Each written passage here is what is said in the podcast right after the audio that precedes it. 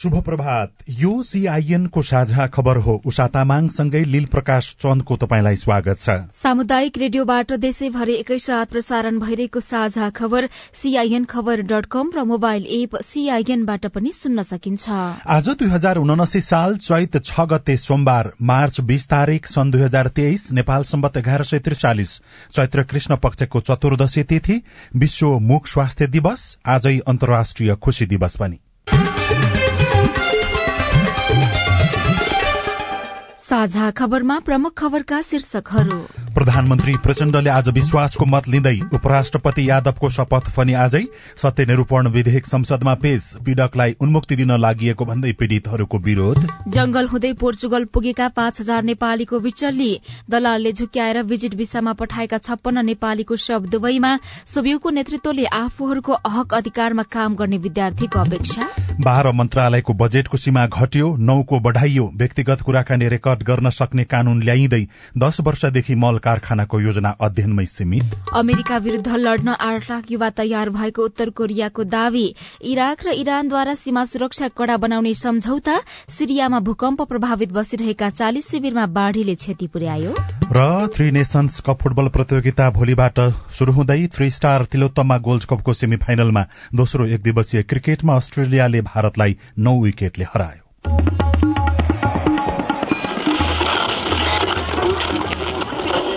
सयौं radio. हजारौं radio कर्मी र करोड़ौं नेपालीको माझमा यो हो सामुदायिक सूचना नेटवर्क सीआईएन साझा खबरको सबैभन्दा शुरूमा संक्रमणकालीन न्याय सम्बन्धी विधेयक संसदमा पेश भएको प्रसंग। बेपत्ता पारिएका व्यक्तिको छानबिन सत्य निरूपण तथा मेलमिलाप आयोग ऐनको संशोधन विधेयक छलफलका लागि हिजो संसदमा पेश भएको छ। नियमावली बनिसकेका कारण मिनी संसद भनिने समितिहरू गठन नभएको मौकामा फास्ट ट्र्याकमा पारित गर्न सरकारले विधेयक अगाडि बढ़ाएको हो। संसदको कार्यसूचीमा प्रधानमन्त्री पुष्पकमल दाहालले विधेयक संसदमा निर्णयार्थ पेश गर्ने उल्लेख भए पनि त्यसलाई उहाँका तर्फबाट संचार तथा सूचना प्रविधि मन्त्री रेखा शर्माले प्रस्तुत गर्नुभएको थियो।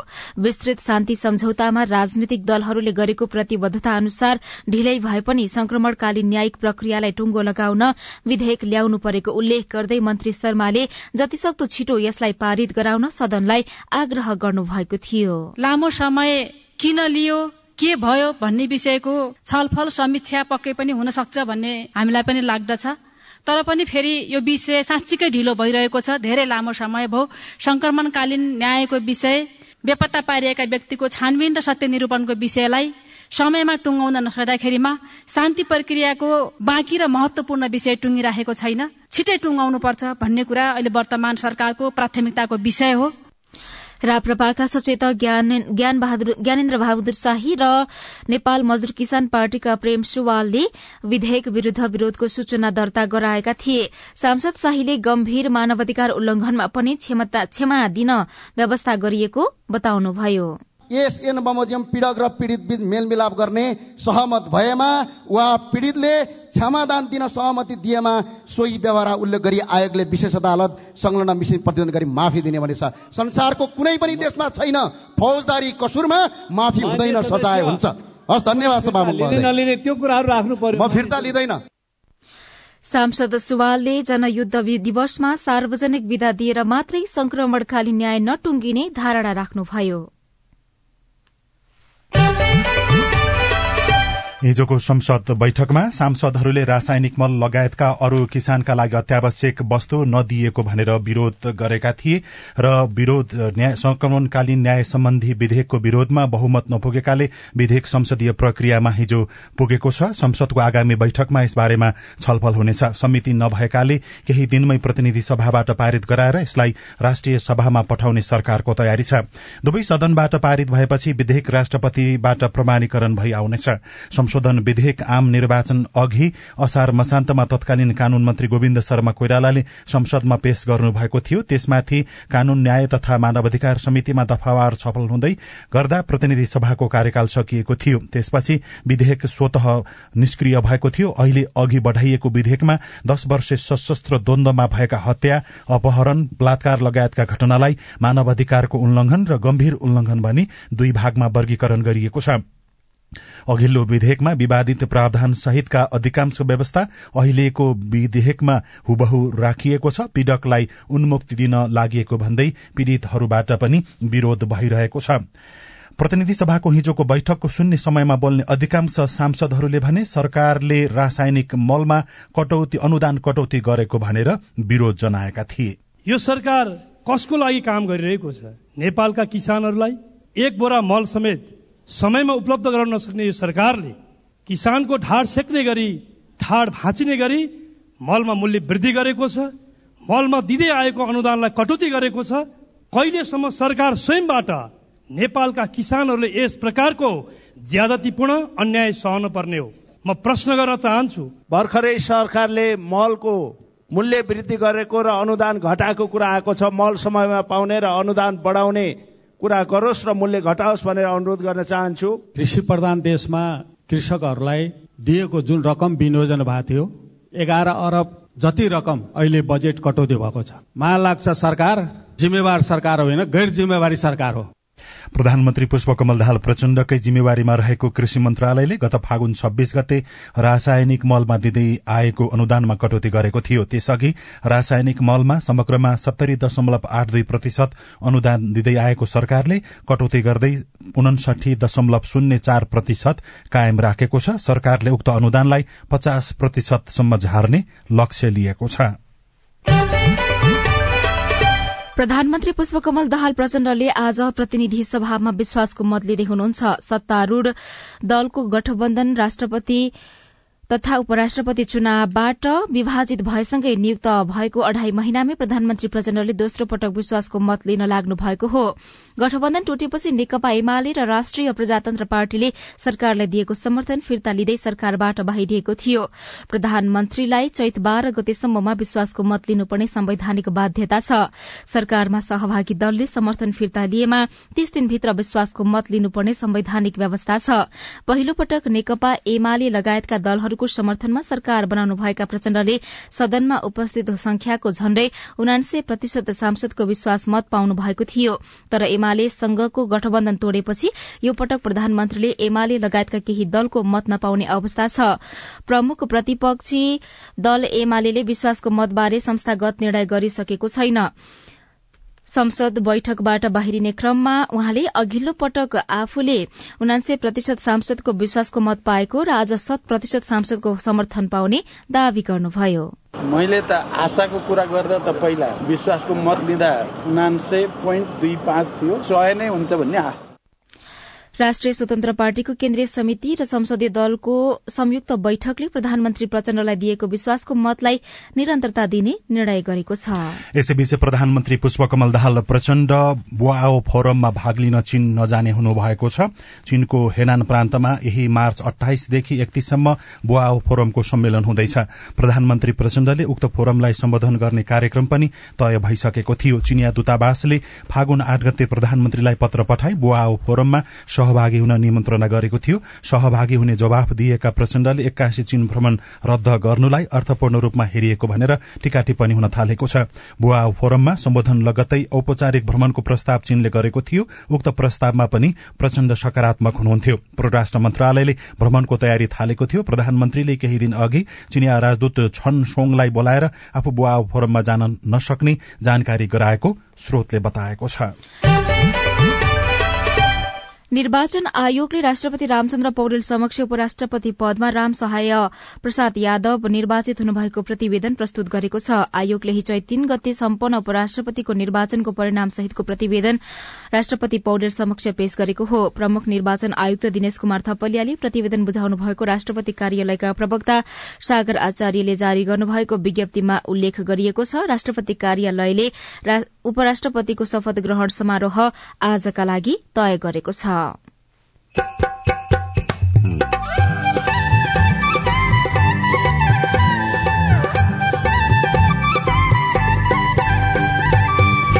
सामुदायिक सूचना नेटवर्क सीआईएन मार्फत देशभरि प्रसारण भइरहेको साझा खबरमा सोभियु निर्वाचनपछि विद्यार्थीहरूको अपेक्षा।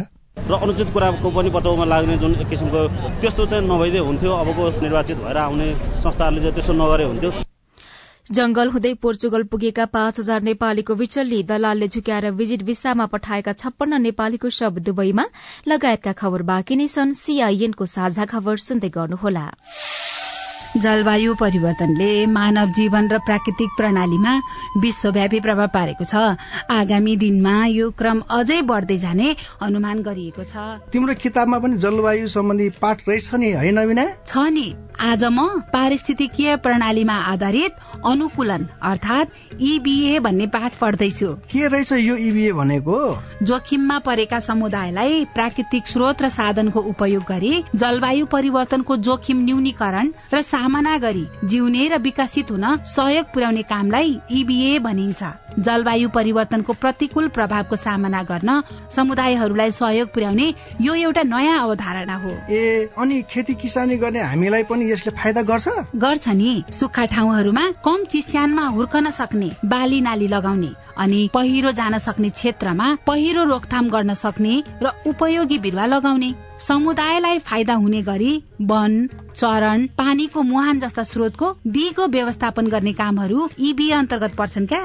उसो भए त यो गजबको कुरा रहेछ त। हो त नि धेरै गजबको कुरा हो। इबिए को योजना तयारी र कार्यान्वयन गर्दा स्थानीय जनताको सहभागिता आदिवासी जनजाति संरक्षण कर्मी प्राकृतिक स्रोत व्यवस्थापन अभियन्ता र निजी क्षेत्रका सरोकारवालाहरू बीच पनि समन्वय चाहिन्छ।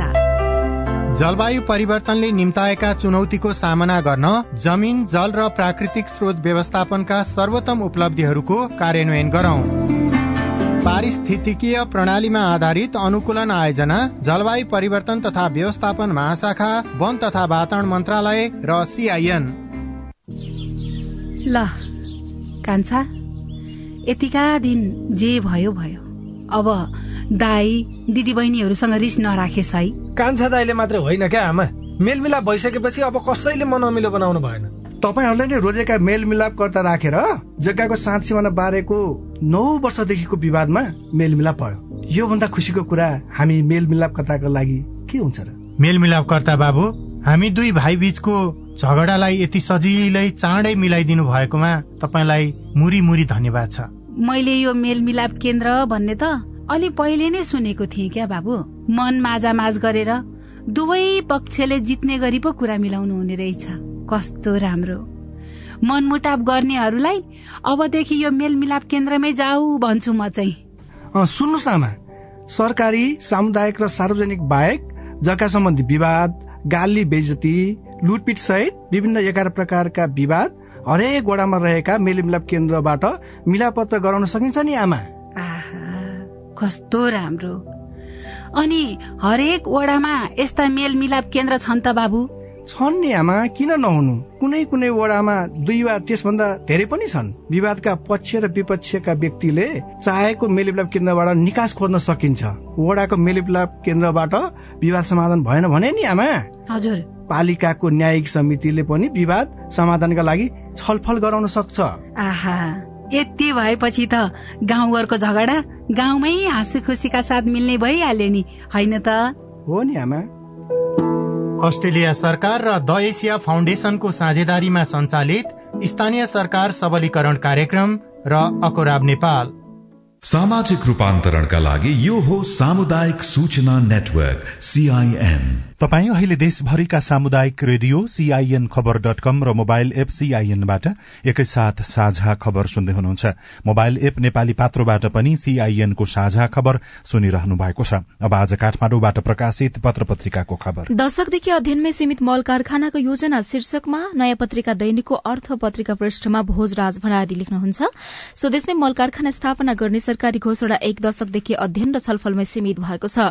सरकारले हरेक जसो नीति कार्यक्रम तथा बजेटमा रासायनिक मल कारखाना स्थापना गर्ने घोषणा गर्दै आएको छ। कतिपय वर्षहरूमा बजेट समेत विनियोजन गरिएका छन् तर मल कारखाना खोल्ने ठोस प्रक्रिया भने हालसम्म शुरू नै गरिएको छैन। लगानी बोर्डले भने कारखाना स्थापनाका लागि छिट्टै समझदारी गर्ने बताएको छ। आर्थिक वर्ष दुई हजार त्रिहत्तर चौहत्तरमा तीन लाख सात हजार मेट्रिक टन मल आयात गर्नको लागि चार अर्ब चौहत्तर करोड़ अनुदान रकम विनियोजन गरिएकोमा आर्थिक वर्ष दुई हजार उनासी अस्सीसम्म आइपुग्दा तीन लाख एकतीस हजार खरिद व्यवस्था आइपुगेको दुई लाख सड़तीस हजार मेट्रिक टन मल रहेको छ जसका लागि एकतीस अर्ब पचास करोड़ बजेट विनियोजन गरिएको छ। यस अवधिमा बाइस लाख पैंसठी हजार मेट्रिक टन मल, खरिदका लागि त्रियासी अर्ब उनासाठी करोड़ बजेट सरकारले विनियोजन गरेको छ। नयाँ पत्रिकाको पहिलो पृष्ठमा दलालले झुक्याएर विजिट भिसामा पठाएका श्रमिकको शव छप्पन्न दिनदेखि दुवैमा शीर्षकमा लहानबाट मणिलाल विश्वकर्माले खबर लेख्नु भएको छ। बहिनीको विवाहमा लागेको सात लाख ऋण तिर्ने र झुपड़ीमा बसिरहेका आमा बुवालाई नयाँ घर बनाएर राख्ने सपना सहित थप ऋण काटेर दुवै उठ्नुभएका सन्तोष यादव उतै अलप हुनुभएको छ। बुबा आमा छप्पन्न दिनदेखि सबको पर्खाइमा हुनुहुन्छ। मलेसियामा भने अलपत्र परेका छप्पन्न नेपाली श्रमिकले क्षतिपूर्ति सहित रोजगारी पाएका छनृ। जंगल हुँदै पोर्चुगल पुगेका पाँच हजार नेपाली बिचल्लीमा परेको खबर छ। कान्तिपुर दैनिकमा दधी सापकोटाले पेरिसबाट र देवेन्द्र भट्टराईले काठमाडौँबाट लेख्नु भएको छ। समस्या सम्बोधन गर्न टोली पठाउने परराष्ट्र मन्त्रालयले तयारी गरेको छ। पोर्चुगलमा नेपाली दूतावास छैन। पासपोर्ट बनाउन अर्को मुलुकको नेपाली नियोग पुग्न कागजात छैन। त्यहाँ समस्या देखिएको छ। छ महिनादेखि तदर्थ सरकार शीर्षकमा मणि दाहाल र कुलचन्द्र नेउपानेले खबर लेख्नु भएको छ। असोज दुईमा बन्द सूची बुझाएदेखि निर्वाचन शुरू भएको हो। चैत पहिलो सातासम्म मन्त्री परिषद अभुरै छ। प्रधानमन्त्री एक्लैले गृह अर्थ शिक्षा स्वास्थ्य र परराष्ट्र सहितका सोह्र मन्त्रालयको भार बोकिरहनु भएको छ। सीमाबाट पाँच सय मिटर ओरै बीओपी शीर्षकमा अर्को खबर छ। सरकारले सीमा क्षेत्रमा खटिने सशस्त्र प्रहरीको बोर्ड आउट पोस्ट बीओपी अन्तर्राष्ट्रिय सीमाबाट पाँच सय मिटर वारी राख्ने भएको छ। त्यस्ता संरचना न्यूनतम पाँच कट्ठा जग्गामा रहनेछन्। बीओपीको जनशक्ति भने छ छ महिनामा सरूवा गरिनेछ। अहिले भारत र चीनतर्फका सीमा क्षेत्रमा तैनात सबै बीओपीको नेतृत्व निरीक्षक अर्थात इन्सपेक्टर तहका अधिकृतले गर्दै आएकामा ठूला तथा मध्यम स्तरका नाका र अति संवेदनशील क्षेत्रका बीओपीको नेतृत्व डीएसपीलाई दिइएको छ। डीएसपीको नेतृत्वमा पैंतालिसवटा सशस्त्र प्रहरी बोर्डर सुरक्षा गुल्म बीएससी जस अन्तर्गत तीनदेखि पाँच बीओपी रहने गर्दछन्। अर्को खबर बाह्र मन्त्रालयको बजेट सीमा घट्यो शीर्षकमा छ विमल खतिवड़ाले लेख्नु भएको छ। राजस्व सहितका स्रोतको संकुचनका कारण आगामी आर्थिक वर्षको बजेटको आकार घट्ने भएपछि राष्ट्रिय योजना आयोगले बाह्र मन्त्रालयको बजेट सीमा पनि कम गरिदिएको छ। आयोगले आगामी आर्थिक वर्ष दुई हजार अस्सी एकासीका लागि बाह्र मन्त्रालयको बजेट सीमा घटाइदिएको छ भने नौ मन्त्रालयलाई झिनो वृद्धि गरिएको छ। कुराकानी रेकर्ड गर्न सक्ने कानून ल्याइने भएको छ। सरकारले व्यक्तिगत कुराकानीलाई मोबाइलमा रेकर्ड गर्न सक्ने कानूनको मस्यौदा तयार गरेको हो। संचार तथा सूचना प्रविधि मन्त्रालयले दूरसंचार ऐन संशोधनका लागि तयार पारेको विधेयक मस्यौदाको दफा सतहत्तरको उपदफा एक र दुईमा सो व्यवस्था गरी मोबाइलमा सिधै पहुँच राखेर रेकर्ड गर्न सक्ने व्यवस्था गरेको छ। केही दिन अघि मात्रै केही दिन अघि मात्रै तयार गरिएको सो मस्यौदामा उल्लेख भए अनुसार जुनसुकै व्यक्तिको पनि कुराकानी रेकर्ड गर्ने लगायत पहिचान खुल्ने तथा सेवा सम्बन्धी अन्य विवरण रेकर्ड गर्न सकिनेछ। साझा खबरमा अब प्रश्नोत्तर श्रृंखला सजना तिमल सिन्हाबाट। सीआईएनको फेसबुक पेजमा हिमाल भण्डारीले एक महिना अगाडि नै लोकसेवा आयोगको अनलाइन फर्म भरेको भए पनि अहिले नखुल्ने तथा पासपोर्ट परिवर्तन गरेपछि भरेको फारममा दरखास्त नदेखाउने समस्या देखिएकोले मोबाइलमा रोल नम्बर पनि आइसक्यो तर यस्तो अवस्थामा अब प्रवेश पत्र कसरी पाउने भनेर आफ्नो समस्या सुनाउनु भएको छ। हिमालजी तपाईँको समस्या हामीले लोकसेवा आयोगका प्रवक्ता त्वयनारायण सुवेदीलाई सुनाएपछि उहाँको जवाब छ। तपाईँले फर्म भरिसके अवस्थामा चाहिँ तपाईँ जाँच दिनबाट वञ्चित हुने अवस्था आउँदै पर्दैन। त्यो चाहिँ तयारी गरेर चाहिँ बस्दा हुन्छ। अब परीक्षा चाहिँ हाम्रो केही समय सर्न पनि सक्छ। अब हाम्रो यो सिस्टमले काम गर्न सक्ने अवस्था भएपछि हामी यो छलफलमै छौँ। अहिले टुङ्गो लागि नसके भएर मैले योभन्दा बढी भन्न मिलेन। हेमराज जोशी भिनपा आठ तिला चौर कञ्चनपुर। यो स्वास्थ्य बिमा कसरी बनाउनु पर्छ के के चाहिन्छ डकुमेन्टहरू? तपाईँको जिज्ञासा मेटाइदिनको लागि हामीले स्वास्थ्य बिमा बोर्डका प्रवक्ता समु प्रसाद गेवालीलाई अनुरोध गरेका छौँ। नागरिकताको प्रमाणपत्र नागरिकता नम्बर भए पनि पुग्छ अनि त्यसपछि बिमितको फोटो खिच्नुपर्छ त्यही। फोटो खिचेर अनि फोटो सहित चाहिँ फारममा अपलोड गर्नुपर्छ र फारममा भर्नुपर्छ। फारम भर्दाखेरि अनि दायाँ बायाँ ल्याप्चे लगाउने व्यवस्था छ। अब सबभन्दा पहिला त हाम्रो दर्ता सहयोगीलाई भेटिसकेपछि सबै कुराहरू दर्ता सहयोगीले भने अनुसार गर्नुपर्ने हुन्छ। मेरो नाम रविन्द्र कुमार शाह हो। सत्तरी बोर्ड व्यवसाय नौ साठी सत्र अठहत्तर कम्प्युटरमा बाह्र क्लास पास गरेकोले लाइसेन्स पाउँछ कि पाउँदैन अबको? जवाफ दिँदै हुनुहुन्छ शिक्षक सेवा आयोगका सूचना अधिकारी सुदर्शन मरहट्टा। जो उम्मेद्वारहरूले कक्षा बाह्र उत्तीर्ण गर्नु भएको छ उहाँ व्यक्तिहरूले शिक्षा विषय त्यहाँ चाहिँ नि भनौँ हाम्रो टिचिङ प्र्याक्टिस वा प्र्याक्टिकम मध्ये कुनै एक विषय लिएका छन् भनेदेखि त्यस्तो व्यक्तिहरूले निम्न माध्यमिक र प्राथमिक तहको अध्यापन अनुमति पत्रको परीक्षामा सहभागी हुन पाइन्छ। यदि ती विषय लिएको रहेछ त्यो दुई मध्ये कुनै एक विषय लिएको छैन भने शिक्षा विषयमा कम्तीमा दस महिना तालिमको रूपमा त्यसलाई नलिएको हुँदा तपाईँले प्राक्टिकम लिनु भएको छ कि छैन? र चाहिँ तपाईँले टिचिङ प्र्याक्टिस गर्नु भएको छ कि छैन। यो दुईवटा मेजर विषय यदि छ भने उम्मेद्वार हुन सक्नुहुन्छ। अन्यथा आएको निम्न माध्यमिक तहको अध्यापन अनुमति पत्रको परीक्षामा त्यस्ता व्यक्तिहरू उम्मेद्वार हुन नसक्ने कुरा जानकारी गराउँदछु। अनि विद्यालय जाने बालबालिकाको लागि किताबको बोझ धेरै हुने गरेको भन्दै कास्कीबाट आनन्दराज अधिकारीले हाम्रो आइबिआरमा एउटा सुझाव रेकर्ड गराउनु भएको छ। एउटा विद्यार्थीलाई दस किलोको त्यो भारी पकाउने के बोर्डिङ पढाइया भएर त्यस्तो शिक्षा नीतिले न अभिभावकहरूले बुझेका मान्छे कुरा भए न विद्यालयले बुझेको भयो यस विषयमा विद्यालयहरूमा कमसेकम दुईजना विद्यार्थीहरूलाई किताबहरू अल्टरनेट गरेर आधा एउटाले आधा एउटाले गरेर ल्याउने बनायो भने अलिकति भार कम हुने थियो विद्यार्थीहरूको। होमवर्क गर्दा पेज नम्बर लेखिदिए हुन्थ्यो। त्यो भयभरका कापी कलम दस किलोको भारी बोकाएर त्यो चाहिँ भारी बोक्न सिकाएको कि पढ्न सिकाउने हो कि विद्यार्थीहरूलाई। तपाईँ जुनसुकै बेला हाम्रो टेलिफोन नम्बर शून्य एक बान्न साठी छ चार छमा फोन गरेर आफ्नो प्रश्न जिज्ञासा गुनासा तथा समस्या अनि प्रतिक्रिया रेकर्ड गर्न सक्नुहुनेछ। साझा खबरमा अब विदेशका खबर। उत्तर कोरियाको सरकारी अखबार रोडोङ सिम मुनले देशका आठ लाख भन्दा बढ़ी युवा अमेरिकी साम्राज्यवाद विरूद्ध लड्न स्वैच्छिक रूपमा सैन्य सेवामा भर्ती भएको उल्लेख गरेको छ। दक्षिण कोरिया र अमेरिकाको भड्काउ संयुक्त सैन्य अभ्यासको जवाफमा उत्तर कोरियाका लाखौं नागरिक सैन्य सेवामा स्वैच्छिक आबद्ध हुन आएको उत्तर कोरियाका संचार माध्यमले दावी गरेका छन्। उत्तर पश्चिमी सिरिया स्थित भूकम्प प्रभावित बसिरहेका शिविरमा बाढ़ीले क्षति गरेको छ। इडबिल प्रान्तको पश्चिमी ग्रामीण इलाकामा चालिस भन्दा बढ़ी शिविरमा क्षति पुर्याएको हो। र इराक र इरानले सीमा सुरक्षा कड़ा बनाउने सम्झौतामा हस्ताक्षर गरेका छन्। इराकको कुर्द क्षेत्रमा असन्तुष्टहरूले सुरक्षालाई खतरामा पारेको भन्दै क्षेत्रसँगको सीमालाई कड़ा पार्ने उद्देश्यका साथ सम्झौता गरिएको हो।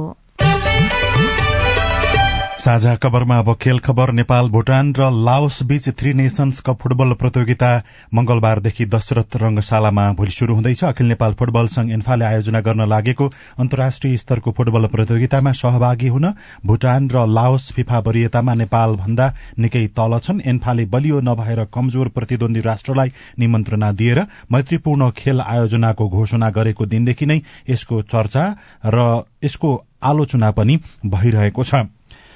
बाइसौं तिलोत्तमा गोल्ड कप फुटबल प्रतियोगितामा A division club three star semi फाइनलमा पुगेको छ। थ्री स्टारले हिजो भएको खेलमा हिमालयन शेर्पा क्लबलाई एक शून्यले पराजित गर्दै अन्तिम चारको स्थान पक्का गरेको हो। र क्रिकेट खेलमा भारतले अहिलेसम्मकै ठूलो हारको सामना गरेको छ। विशाखापट्टनमा भएको दोस्रो एक दिवसीय खेलमा अस्ट्रेलियाले भारतमाथि दश विकेटको जित निकाल्यो। पहिले ब्याटिङ गरेको भारत छब्बीस ओभरमै एक सय सत्र रनमा समेटियो। सोभियतको नयाँ नेतृत्वले गर्नुपर्ने काम रिपोर्ट अरू खबर र कार्टुन पनि बाँकी नै छ। सीआईएनको साझा खबर सुन्दै गर्नुहोला। दाइजो। दहेज मांगने है अस्सी हजार रुपया आठ आना सोना बाह्र भर चानी। बाल विवाह? वर्ष चौध वर्ष। मेरो बिहे भएको डेढ साल भयो। साथीहरू स्कुल जाँदा रहर लाग्छ बिहे किन गर्यो जस्तो लाग्छ। छुवाछुत। कुकुर पढ्नु पनि हामी पढ्नु पनि भयो भने त अलिकति मन त फेरि हुन्छ हुन्छ दुःख त बेगा हुन्छ चिसो भइरहेछ। यस्ता हानिकारक परम्परागत अभ्यासका कारण महिला किशोरी र बालिकाहरू विभिन्न शारीरिक तथा मानसिक हिंसा भोग्न बाध्य छन्। होसियार यस्ता हानिकारक परम्परागत अभ्यासहरू कानूनद्वारा दण्डनीय छन्। ओल्ड भिजन इन्टरनेसनल नेपाल र सामुदायिक सूचना नेटवर्क सिआइएन नेपाल टेलिकमको सूचनाको संसार होइन के सुनेको यस्तो ध्यान दिएर दोहोरो बोलेको जस्तो नि देख्दिन। तिन दुई एक शून्य शून्य क्या? तिन दुई एक शून्य शून्य? के हो त्यो भने? बुझिन त। ल सुन एनटिसी प्रयोगकर्ताहरूले आफ्नो मोबाइल तथा ल्यान्डलाइनमा तिन दुई एक शून्य शून्य डायल गरी समाचार रेडियो कार्यक्रम खेल र अन्य विषय बारे सन्देशहरू जुनसुकै बेला निशुल्क सुन्न सक्छन्। ओहो। निशुल्क कस्तो सजिलो। समाचार सुन्न छुट्यो भनेर पिर लागेको थियो। अब त म पनि सुनिहाल्छु। कति रे? तिन दुई एक शून्य शून्य। सामाजिक रूपान्तरणका लागि यो हो सामुदायिक सूचना नेटवर्क सीआईएन साझा खबरमा अब नयाँ नेतृत्वसँग विद्यार्थीको अपेक्षा। प्रत्येक दुई दुई वर्षमा हुनुपर्ने सोबिउ निर्वाचन यसअघि पटक पटक घोषणा भए तर हुन सकेको थिएन।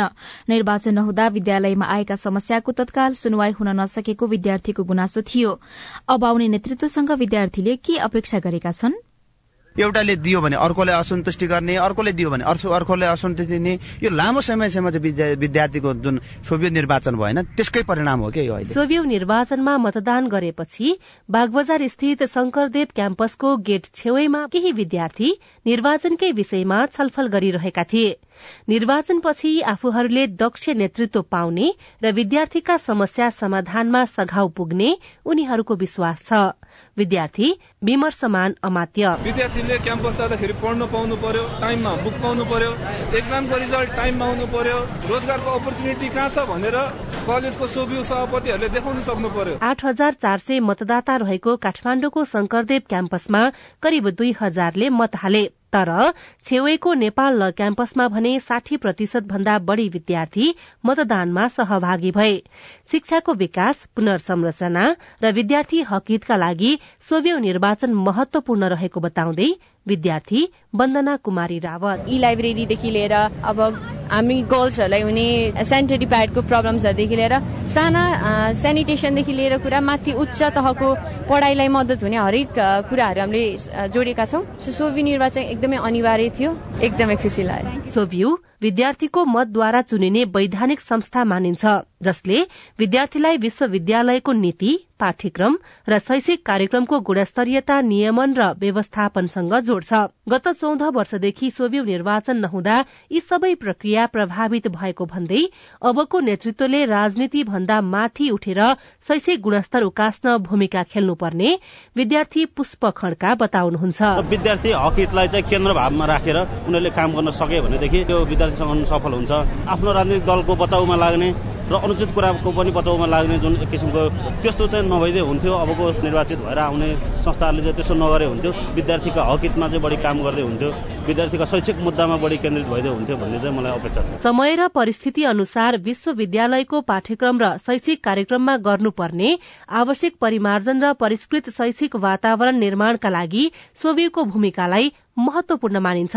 सोही कुराको पहलका लागि नयाँ नेतृत्वले काम गर्ने अपेक्षा सहित मतदान गरेको पुलचोक इन्जिनियरिङ क्याम्पसका विद्यार्थी प्रकाश दुलालको भनाइ छ। यसमा चाहिँ राम्रो निष्पक्ष तरिकाले कलेजको हक हितको लागि विद्यार्थीहरूको आफ्नो पर्सनल बेनिफिट भन्दा पनि प्रशासनमा हुने नराम्रा गतिविधिहरूको विरोधमा बोलेर राम्रो विद्यार्थीको हक हितमा चाहिँ राम्रो खालको कुराहरू आएर अझ यो भन्दा नि राम्रो हुँदै जाओस् भन्ने। विश्वका धेरै प्रतिष्ठित विश्वविद्यालयमा पनि विद्यार्थी मञ्चहरू छन् जसले विद्यार्थीको हक हितका साथै शैक्षिक गुणस्तर अभिवृद्धिमा पुलको भूमिका खेलेका हुन्छन्। तर नेपालका विद्यार्थी संगठन भने शैक्षिक मुद्दामा भन्दा राजनीतिक क्रियाकलापमा बढ़ी सक्रिय हुने भन्दै शिक्षा क्षेत्रका जानकारहरू चिन्ता व्यक्त गर्छन्। सुशीला श्रेष्ठ सीआईएन काठमाडौँ। यो रिपोर्टसँगै हामी साझा खबरको अन्त्यमा आइपुगेका छौं। सामुदायिक रेडियो प्रसारक संघद्वारा संचालित सीआईएनको बिहान छ बजेको साझा खबर सक्नु अघि तपाईँको स्वस्थ जीवन शैलीसँग जोडिएको एउटा सन्देश मुखलाई स्वस्थ राख्न के कुरामा ध्यान दिने? महिनामा गएर चाहिँ अनिवार्य आफ्नो मुखमा रोग होस् या नहोस्। गएर चाहिँ हामीले चेकअप गराउनु पर्ने हुन्छ। मेन त अब किरा लागेको समस्या हुन्छ। छ भने अब त्यसलाई फिलिङहरू गर्नु पर्यो अर्को चाहिँ अब गिजाको समस्या हुन्छ। अब गिजामा रगत आउने मुख गराउने अब त्यसको लागि चाहिँ अब दाँतहरू सफा गराउनु पर्ने हुन्छ। अब हामीले त वर्षको दुईचोटि गराउनु भन्छौँ। तर पनि अब भ्याएन त्यो गरेर वर्षको अनिवार्य एकचोटि चाहिँ दाँत सफा गराउनु पर्ने हुन्छ। जस्तै अब किरा लाग्ने भयो गिजा फुल्लिने भयो गिजा सुन्निने भयो रगत आउने हो त्यो समस्याहरूबाट चाहिँ हामीले समाधान गर्न सकिन्छ। डाक्टर कृष्ण दयाल प्रधानको यो सन्देशसँगै साझा खबरमा मुख्य मुख्य खबर फेरि एकपटक। प्रधानमन्त्री प्रचण्डले आज विश्वासको मत लिँदै उपराष्ट्रपति यादवको शपथ पनि आजै सत्यनिरूपण विधेयक संसदमा पेश पीड़कलाई उन्मुक्ति दिन लागि भन्दै पीड़ितहरूको विरोध। जंगल हुँदै पोर्चुगल पुगेका पाँच हजार नेपालीको विचल्ली दलालले झुक्याएर भिजिट भिसामा पठाएका छप्पन्न नेपालीको शब्द बईमा बाह्र मन्त्रालयको बजेटको सीमा घट्यो नौको बढ़ाइयो व्यक्तिगत कुराकानी रेकर्ड गर्न सक्ने कानून ल्याइँदै दश वर्षदेखि मल कारखानाको योजना अध्ययनमै सीमित। इराक र इरानद्वारा सीमा सुरक्षा कड़ा बनाउने सम्झौता सिरियामा भूकम्प प्रभावित बसिरहेका चालिस शिविरमा बाढ़ीले क्षति पुर्यायो। र थ्री नेशन्स कप फुटबल प्रतियोगिता भोलिबाट हुँदै थ्री स्टार तिलोत्तमा गोल्ड कपको सेमी फाइनलमा साझा खबरको अन्त्यमा कार्टुन। कार्टुन हामीले कान्तिपुर दैनिकमा अबिनले बनाउनु भएको गजब छबा शीर्षकको कार्टुन लिएका छौं। व्यङ्ग्य गर्न खोजिएको छ। यस अगाडि नेकपा एमाले सरकारमा थियो। त्यतिखेर कांग्रेसले ढोक्सा थाप्न थालेको भनेर आलोचना पनि भयो एमालेको तर्फबाट। अहिले एमाले सरकार बाहिर छ। यहाँ नेपाली कांग्रेसको पार्टी कार्यालयको बन्द कोठा छ। माथिपट्टि कांग्रेसको झण्डा छ। एकजना व्यक्ति टेलिफोन उठाइराखेका छन् र टेलिफोनको रिसिभर हातमा राखेर पछाडिपट्टि फर्केर केही भन्दैछन्। तल चाहिँ यस्तो लेखिएको छ। एमालेको फोन क्या? ढोक्सा कहाँ पाइन्छ अरे? हवस् त प्राविधिक साथी सुभाष पन्तलाई धन्यवाद। अहिलेलाई उषा तामाङ र लील प्रकाश चन्द विदा भयौं। तपाईँको आजको दिन शुभ होस्। नमस्कार। यसपछि देशभरिका सामुदायिक रेडियोबाट कार्यक्रम जीवन रक्षा प्रसारण हुनेछ। सुन्ने प्रयास गर्नुहोला।